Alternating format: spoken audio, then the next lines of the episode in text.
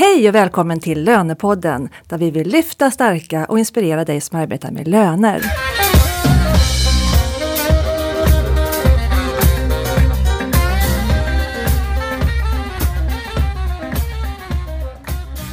Jag heter Katarina Sand och jag jobbar på rekryteringsbyrån Wise Professionals där vi bland annat hyr ut och rekryterar lönekompetens. Vi har två samarbetspartner i den här podden och det är SRF-konsulterna och Knowit. Temat i det här avsnittet är stress. Och med mig i studion så har jag två gäster och min bisittare. Mina gäster det är Mikaela Olsson, Payroll Consulting, Helena Schiller, stressforskare och min bisittare Karin Strindmark på Knowit. Välkomna allihop! Tack så mycket! Innan vi går vidare in på vårt ämne och presenterar er lite närmare så vill jag först gratulera dig, Mikaela Olsson, som förra veckan, nu i mitten av maj, fick ett jättefint pris i Budapest av Global Payroll Association. Du fick priset som Payroll Consultant of the Year, of the year 2019. Ja. Grattis! Tack så mycket! Kan inte du berätta lite kort, vad är det för pris du har fått egentligen? Ja, jag fattar knappt att jag har vunnit än. Eh, men eh, jag blev nominerad dit. Eh, dels för lönebekännelser. Alltså Instagram, Instagramkontot jag har gjort. och också för företaget som jag startade i höstas och baktanken med det. Så det är jättekul. Jätteroligt, mm. verkligen. Och det var ju 16 priser som, de som delades ut. Ja. Och det var många svenskar som nominerades. Och du, du var den enda svensken som faktiskt tog hem ett pris. Ja, tyvärr. Eh, men det är roligt för mig. Ja, jätteroligt. Ja. Ja, temat i det här avsnittet är då stress. Och stress på löneavdelningen ska vi prata om i synnerhet om. Mikaela, du har ju varit med om en resa där du nästan gick in i väggen. Kan inte du berätta lite om det? Idag är du egen som sagt och driver Payroll Consulting. Ja, ehm, eh, jag så här i efterhand så vet jag att jag var stressad och hade ett för högt tempo och min kropp visade tydliga signaler på det väldigt länge. Det pågick under flera år. Eh, och jag tror att det började redan när jag började plugga till lön. Eh, gick eh, lönespecialist på Iterum på distans eh, och pluggade 75 procent samtidigt som jag jobbade heltid. Min dotter var bara tre år då så det var småbarnsår och krävande. Eh, och så tog jag körkort i samma veva. Eh, så att jag, jag gjorde väldigt mycket på en gång eh, och vande mig vid det, vid det tempot liksom i livet. Eh, som jag sen hade svårt att bryta. Även om man tog examen och bara jobbade heltid. Um, så, så här efterhand så vet jag att eh, det, det, var liksom inget speciellt som hände. Det var mer hur jag tog hand om mig själv helt enkelt. Lite för höga krav på mig själv. Eh, dåligt självledarskap. Och inte den självkänsla jag borde haft. Jag var min prestation. Och jag gjorde inte saker för min egen skull utan jag ville mest motbevisa vad andra tyckte och tänkte och trodde om en. Och, eh, ja, en blandad kompott. Och det fick, jag, eh, det fick jag smaka på sen ganska hårt några år senare. För då, då tog det sig liksom eh, an min kropp på andra sätt. Alltså när det började nå psyket. Och det var där jag kände att min gräns gick. Liksom. Mm. Och vad var det du gjorde då för någonting för att bryta det här mönstret? Jag eh, gjorde så att jag gick till läkaren med eh, syftet att få hjälp. Att jag var, jag var liksom...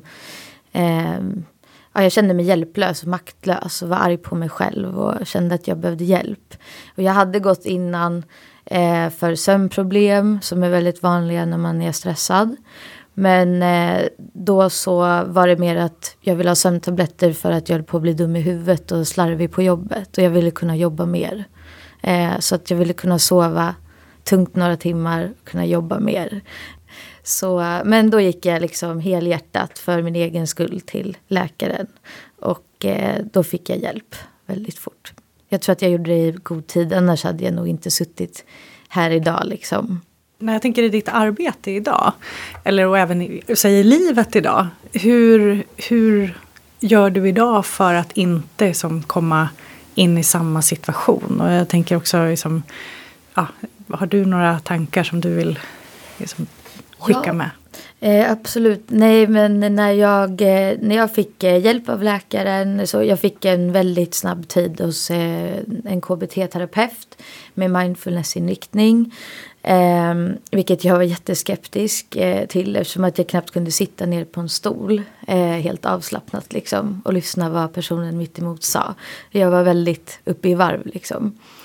Eh, men där fick jag superbra verktyg eh, och även om det var saker jag kanske inte trodde på så hjälpte det väldigt mycket just att meditera. Jag drog ner på kaffet. Jag tror det är ganska vanligt att man börjar överkonsumera eh, ja, droger låter ju, men koffein är ju en drog.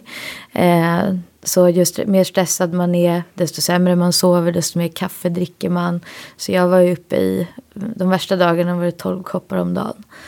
Eh, vilket inte är så bra när man redan är stressad och inte kan sova liksom. För jag triggade min kropp. Eh, så jag skar ner lite på kaffet. Bland annat. Eh, började motionera mer. Eh, för ja, det var också en grej att jag fick eh, ångest och panikångest. När eh, det var som värst liksom. Och då är det jobbigt att träna för att man förknippar den känslan av andfådd med att få en ångestattack. Men jag gick väldigt mycket promenader och jag gick hos den här KBT-terapeuten en gång i veckan. Eh, och det var så bra för mig. Och jag lärde mig också skilja på när jag tänkte saker, när det hände saker i min kropp och vad jag kände. Att det är olika saker. Det behöver inte kleta ihop sig liksom. Eh, så jag fick kartlägga här, situationer i vardagen som var tuffa för mig.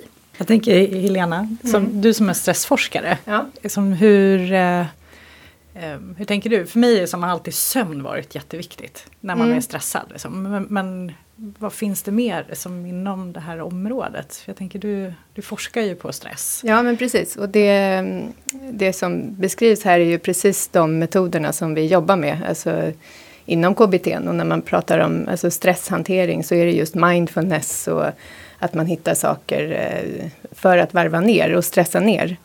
Eh, men en viktig sak som, som jag tycker också som, som ingår i allt det här du nämnde Eh, fysisk aktivitet till exempel. Det är ju en form av återhämtning.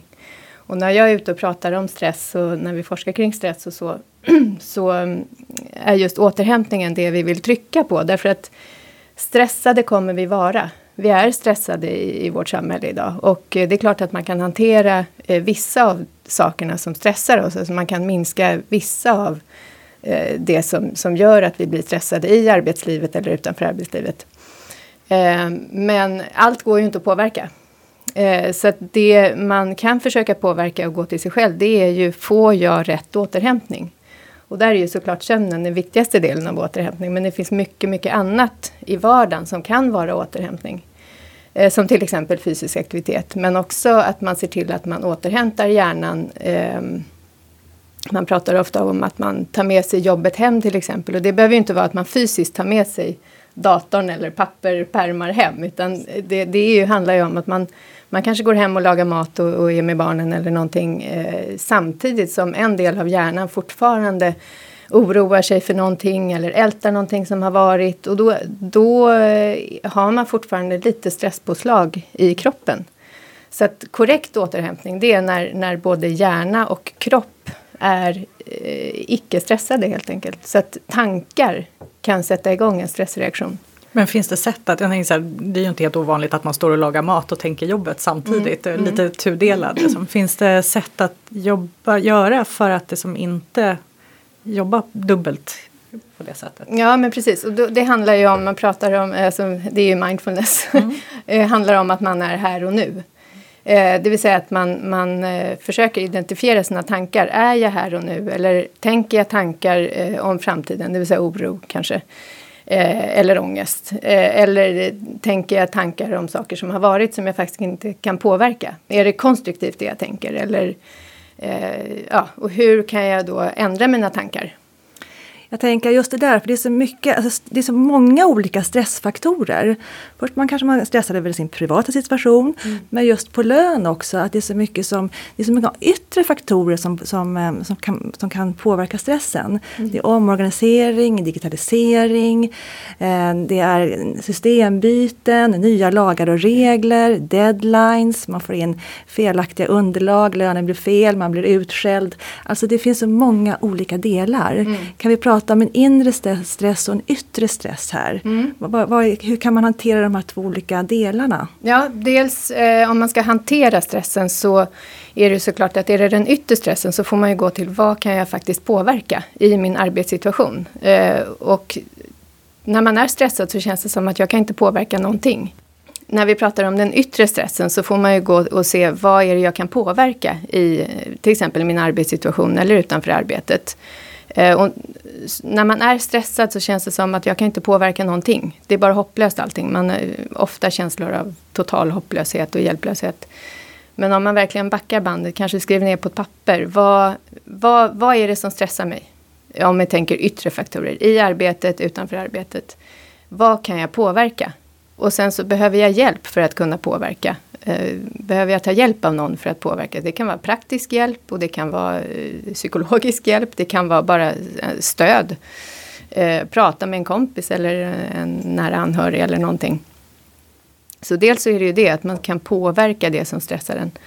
Eh, men det, som med allt så finns det såklart saker man inte kan påverka eh, både i och utanför arbetet. Och eh, då gäller det att, att, gå till den inre stressen. Vad är det inom mig? Vad kan jag påverka eh, den stressen som kommer inom mig? Det vill säga tankar, eh, känslor som känns obehagliga.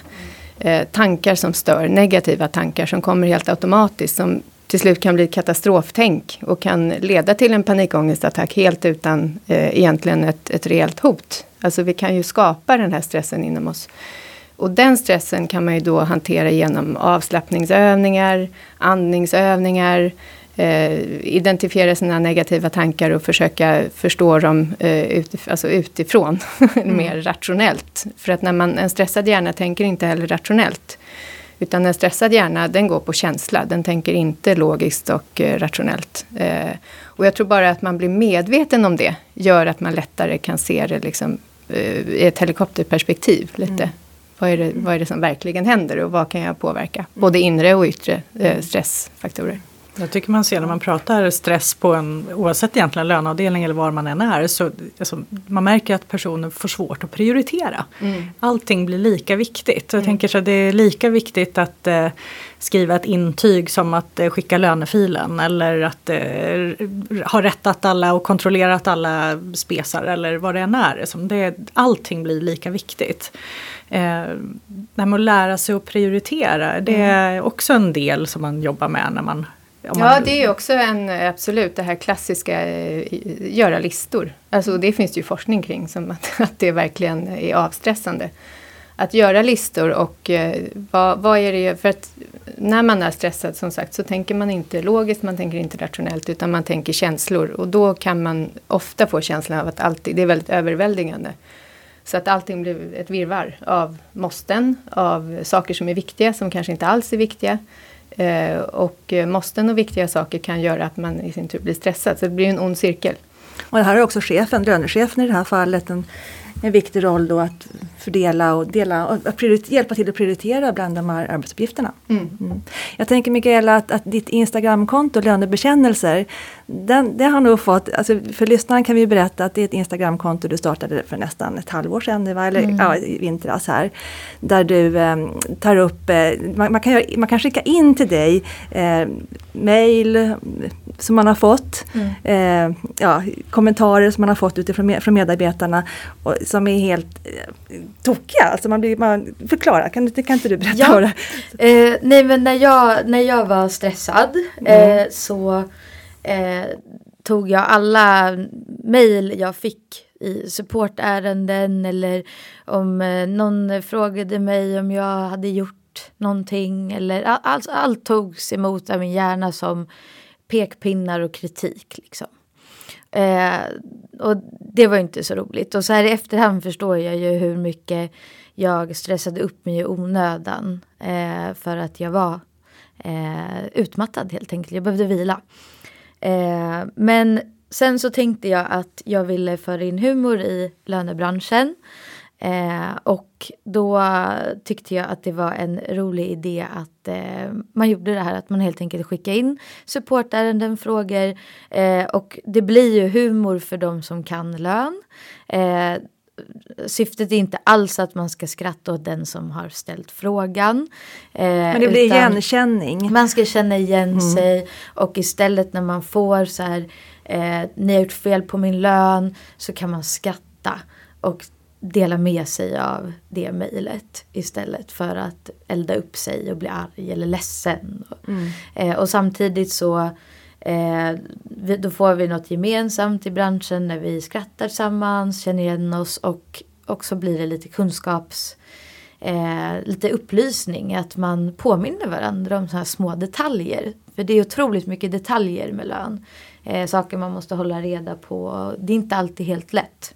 Eh, man kan liksom inte googla sig fram. För att hade det varit enkelt att förstå då hade ju anställda förstått sin skatt och vi hade inte mm. behövt förklara den. Precis. Men här finns det ju en stor, alltså, lön har ju en viktig roll här att spela ändå, att se till eh, att utbilda de där ute så att man får in rätt underlag, eller hur? Mm. Mm, ja, men jag, sen, jag tror att vi många gånger, den här som du inledde med Katarina, att stressen kommer från omorganisationer och vi ska mm. effektivisera, automatisera, det händer jättemycket.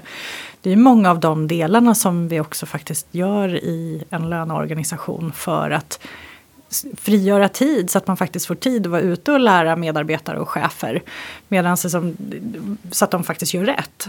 Så att det ska underlätta arbetet. Så att vi står i en, här, i en stressad organisation behöver vi frigöra tid och vi skapar egentligen mer stress genom att göra förändringar. Mm. Eh, så det, det, här är en, eh, en ganska tuff situation för många löneavdelningar idag. Eh, de ska göra mycket.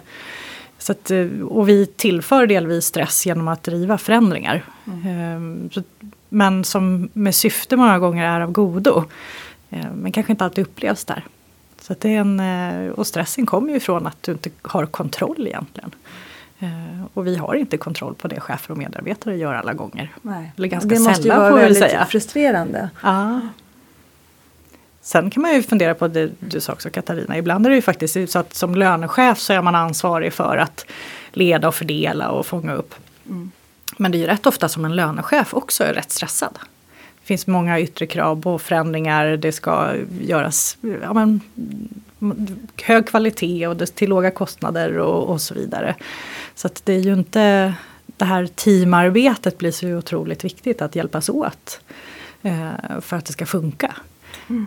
Och lön är också ganska ensamma. Alltså det, är, det är få som lönechefen kan bolla med också internt i en organisation. Det är få som förstår mm. vilka utmaningar lön står inför. Det har jag upplevt flera gånger. Känner ni igen den bilden? Ja absolut. Ja. Mm. Det finns ju, det fin, vi ser ju att lönecheferna vänder sig mycket till nätverk. Eh, för att liksom, ha någon att... Eh, det finns inget bollplank internt. Nej. Eh, men jag tror också att löne... Alltså tittar man på hur stor, eh, stort allvar vi tar vårt jobb på. Eh, jag brukar, kanske inte en jämförelse som alltid uppskattas, men jag brukar säga att det är ju faktiskt så att vi är inte läkare med en patient som ligger på, på, på, på operationsbordet och, och, kan dö. Utan vad som kan hända är att vi faktiskt inte betalar ut lön. Det är ju en kris i sig för många personer om de inte får lön i tid. Men det är någonting vi kan åtgärda och rätt snabbt. Så att eh, ibland den här allvaret vi tar både oss själva och vårt jobb på kanske vi, vi, vi ska inte bli oseriösa men vi måste tänka till om det eh, hur allvarligt det är det jobbet vi gör. Om vi verkligen måste ta hem och jobba med det samtidigt som vi lagar mat. Helena, har du någon känsla för liksom, statistiken? Hur, hur, eh, om om liksom det, sjukskrivningarna fortfarande ökar när det gäller utmattningssyndrom eller om det har om folk tar till sig det här med mindfulness och KBT och allt det här, att det, min, att det håller sig på en jämn nivå eller minskar. Mm. Har du någon känsla för det? Alltså, eh, sjukskrivningstalen eh, när det gäller stressrelaterade eh, sjukdomar ökar ju. Ökar fortfarande. Ja. Mm. Och det, det, är liksom det är den trenden vi ser. Att, eh, och, och tro, alltså, även fast vi är så medvetna om idag, om stress, om utmattning, om mm vad man faktiskt kan göra också så, så ser vi att eh, samhället gör ju att vi, vi dras åt det hållet fortfarande. Eh, och det är klart att man kan göra mycket på organisationsnivå, såklart. Man kan jobba med arbetsmiljöfrågor och, och det gör ju organisationer idag, systematiskt arbetsmiljöarbete.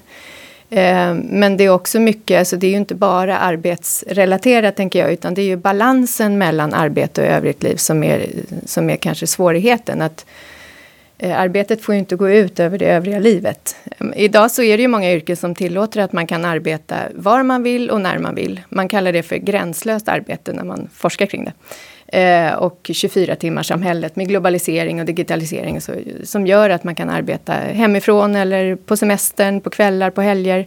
Eh, och det gör ju att de här gränserna mellan vad som är arbete och vad som är vila suddas ju ut. Eh, samtidigt som det skapas en positiv, kanske för många, flexibilitet. Om man har barn och man kan gå, vidare, gå tidigare från jobbet och hämta på dagis eller vad det kan vara. Eh, man kanske hinner gå till gymmet och så jobbar man en timme senare och så vidare. Man kan pussla ihop det, men det gäller ju att man då inte jobbar eh, övertid. Att man har koll på hur mycket man jobb, faktiskt jobbar. Det är viktigt att man eh, lär sig sätta gränser eh, när man jobbar i, eh, att man sätter gränser i tid och rum. Så att man säger att här jobbar jag, här jobbar jag inte. Så till exempel i sovrummet tycker jag då inte att man ska jobba eftersom jag är stress och sömnforskare. Eh, så att man sätter då en gräns i rum och sen så att man sätter en gräns i tid. Att man är noga med att eh, nu ska jag jobba och nu ska jag inte jobba. Eh, och att man har lite koll på det faktiskt. Att, så att det inte blandas ihop. Och det tror jag att många drabbas av. Att man jobbar lite med vänsterhanden hela tiden. Mm. Oavsett om man är på kontoret eller inte. Mm. Och sen dra ner på alla måsten och våga säga nej. Och Ja, allt sånt där också såklart. Gräns, gränssättning, gränssättning, generellt. Mm. Absolut. Mm. Jag tänker, där, kan man sätta gränser också ut mot organisationen på lön lite tydligare?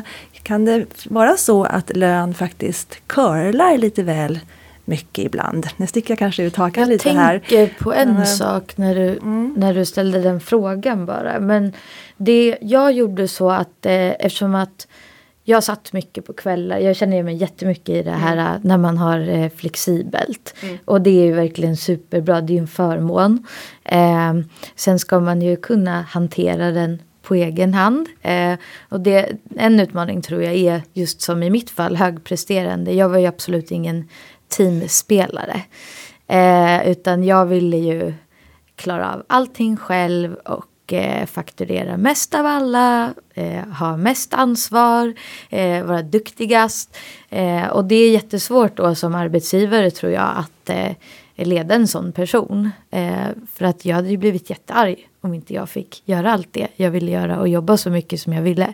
Men i och med att jag satt mycket på kvällar för att jag hade småbarn och tyckte det var jättebra att kunna korta ner mina dagar och ta igen så var en sak jag tänkte på dels att det ser inte så bra ut för kunderna att man mejlar sent. Så då, och dels in, liksom internt i organisationen att det kommer mejl på kvällen. Så, så fördröjd leverans kan man ju ha som en policy. Ja, i sin, att, i sin mail. Ja, mm. att man inte mejlar på kvällstid. Och vill man sitta på kvällen så ställ in att mejlet ska komma åtta på morgonen. Mm. Till exempel. Mm. Och också att man jobbar aktivt i mejlen var bra för mig. För jag blev stressad av att den stod och tickade i kanten hela tiden. Eh, så att då satte jag, jag planerade liksom att jag skulle ha två timmar mejltid per dag. Eller mer om det behövdes i vissa perioder. Och så gjorde jag det två gånger om dagen var jag inne i den. Och sen stängde jag ner den. Mm. Eh, för är det något akut kan man ju ringa liksom mm. istället. Mm. Och det tyckte jag hjälpte jättemycket. Mm. Att fokusera, på tal om att vara här och nu. Mm. När man men vad tror ni om att liksom sätta också gränser mot chefer och medarbetare lite mer att nej men jag, jag fixar inte det, det här åt dig nu den här gången utan nu, nu, nu blir det så här och sen får du faktiskt lära dig att göra rätt nästa gång. Mm. Jag tror att vi har rätt svårt med det generellt ja, sett. Vi vill ju gärna hjälpa till. Ja. Jag tror att det, och, jag, och det är det här vi arbetar med tror jag många gånger i organisationerna. De här förändringarna vi vill åstadkomma med att säga att men, nu har vi telefontider eller vi, vi ska alla svara på samma fråga på samma sätt och, och så vidare. Där kanske man upplever när man jobbar med lön som att man blir begränsad eller man är som styrs in i ett som likriktighet. Men många gånger är ju det här ett sätt för att göra så att vi faktiskt ska liksom, jobba bättre, effektivt, självklart ha samma service mot, mot våra kunder. Men också faktiskt att minska stressnivån. Att vi inte ska ha de här som kan ringa hela tiden och, och avbryta. Jag menar, det finns ju lika mycket forskning på att blir man avbruten i arbetsuppgifter så mm. tar det, ju mer komplext den är desto längre tid tar det att sätta sig in i den igen. Eh, så det handlar ju om att underlätta men, men det här är som en balansgång tror jag för hur mycket man, man styr. Sen tror jag också att det finns en, en fråga om upplevelse. För jag tror många gånger att man man kan uppleva att man har väldigt mycket att göra för att man, man inte känner sig säker på arbetsuppgifterna eller man, eh, man har inte kontroll.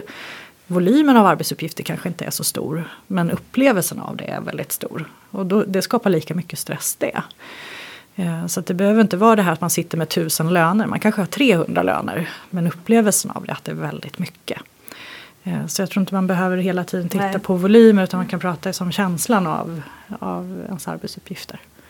Mm. Men jag tänker några så här, kopplat till stress och sömn och så här, om, om man nu sitter och lyssnar på det här och känner att men jag, eh, ja, men jag jobbar jättemycket eller jag har så här, hur, du, du pratar om tid och rum, så här, finns det mm. andra liksom, tips och idéer som som du tycker att man ska, vad ska man börja med? Som när man... Ja, alltså eh, dels så, precis som jag sa i början, att dels så kan man ju titta på vad är det som stressar mig och vad kan jag förändra? Och behöver jag hjälp att förändra vissa saker? Och som sagt så är det ju vissa saker man inte kan förändra, så är det ju. Ehm, både i och utanför arbetet.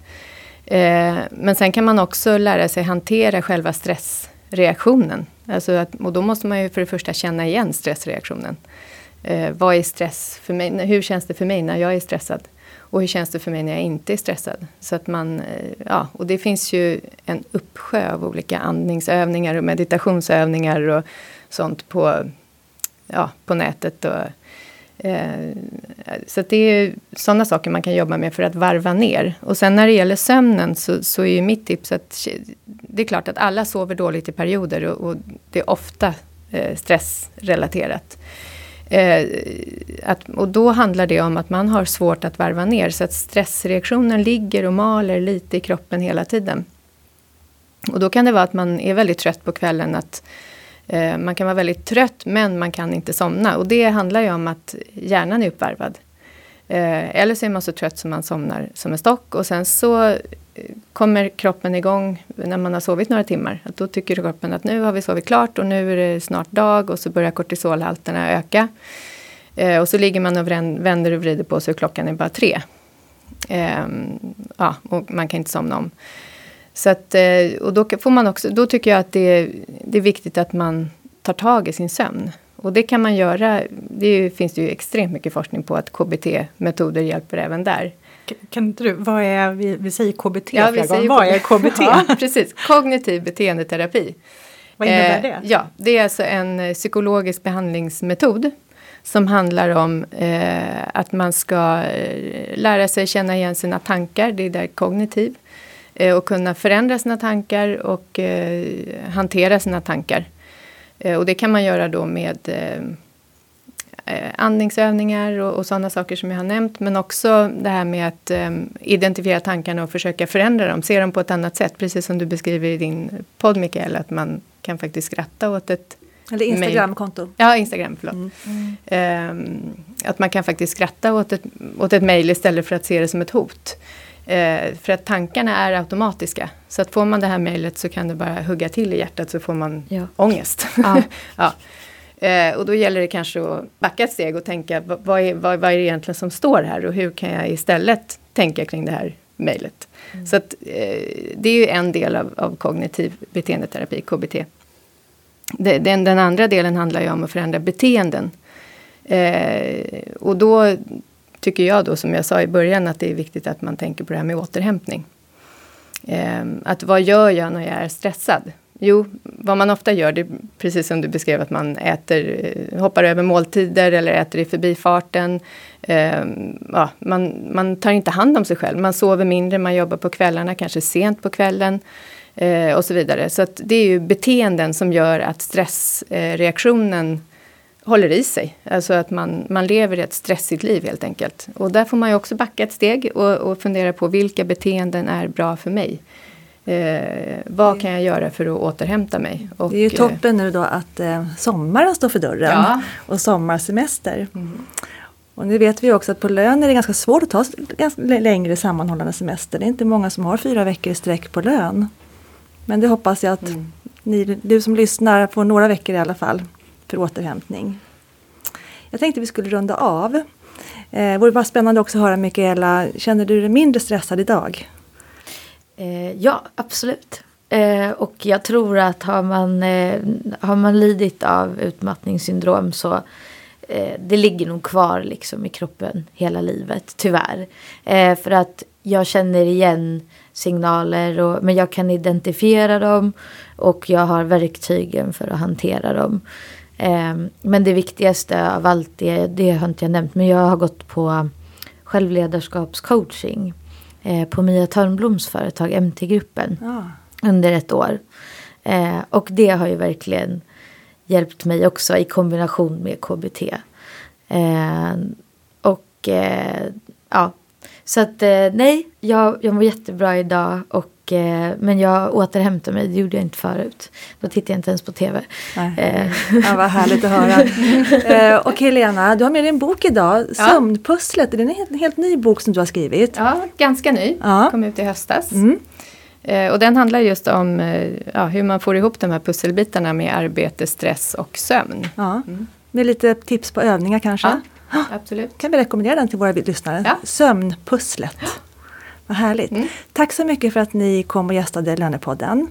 Den 25 juli då tar vi semester och sen är vi tillbaka den 25 augusti. Och då får vi fint främmande ifrån London.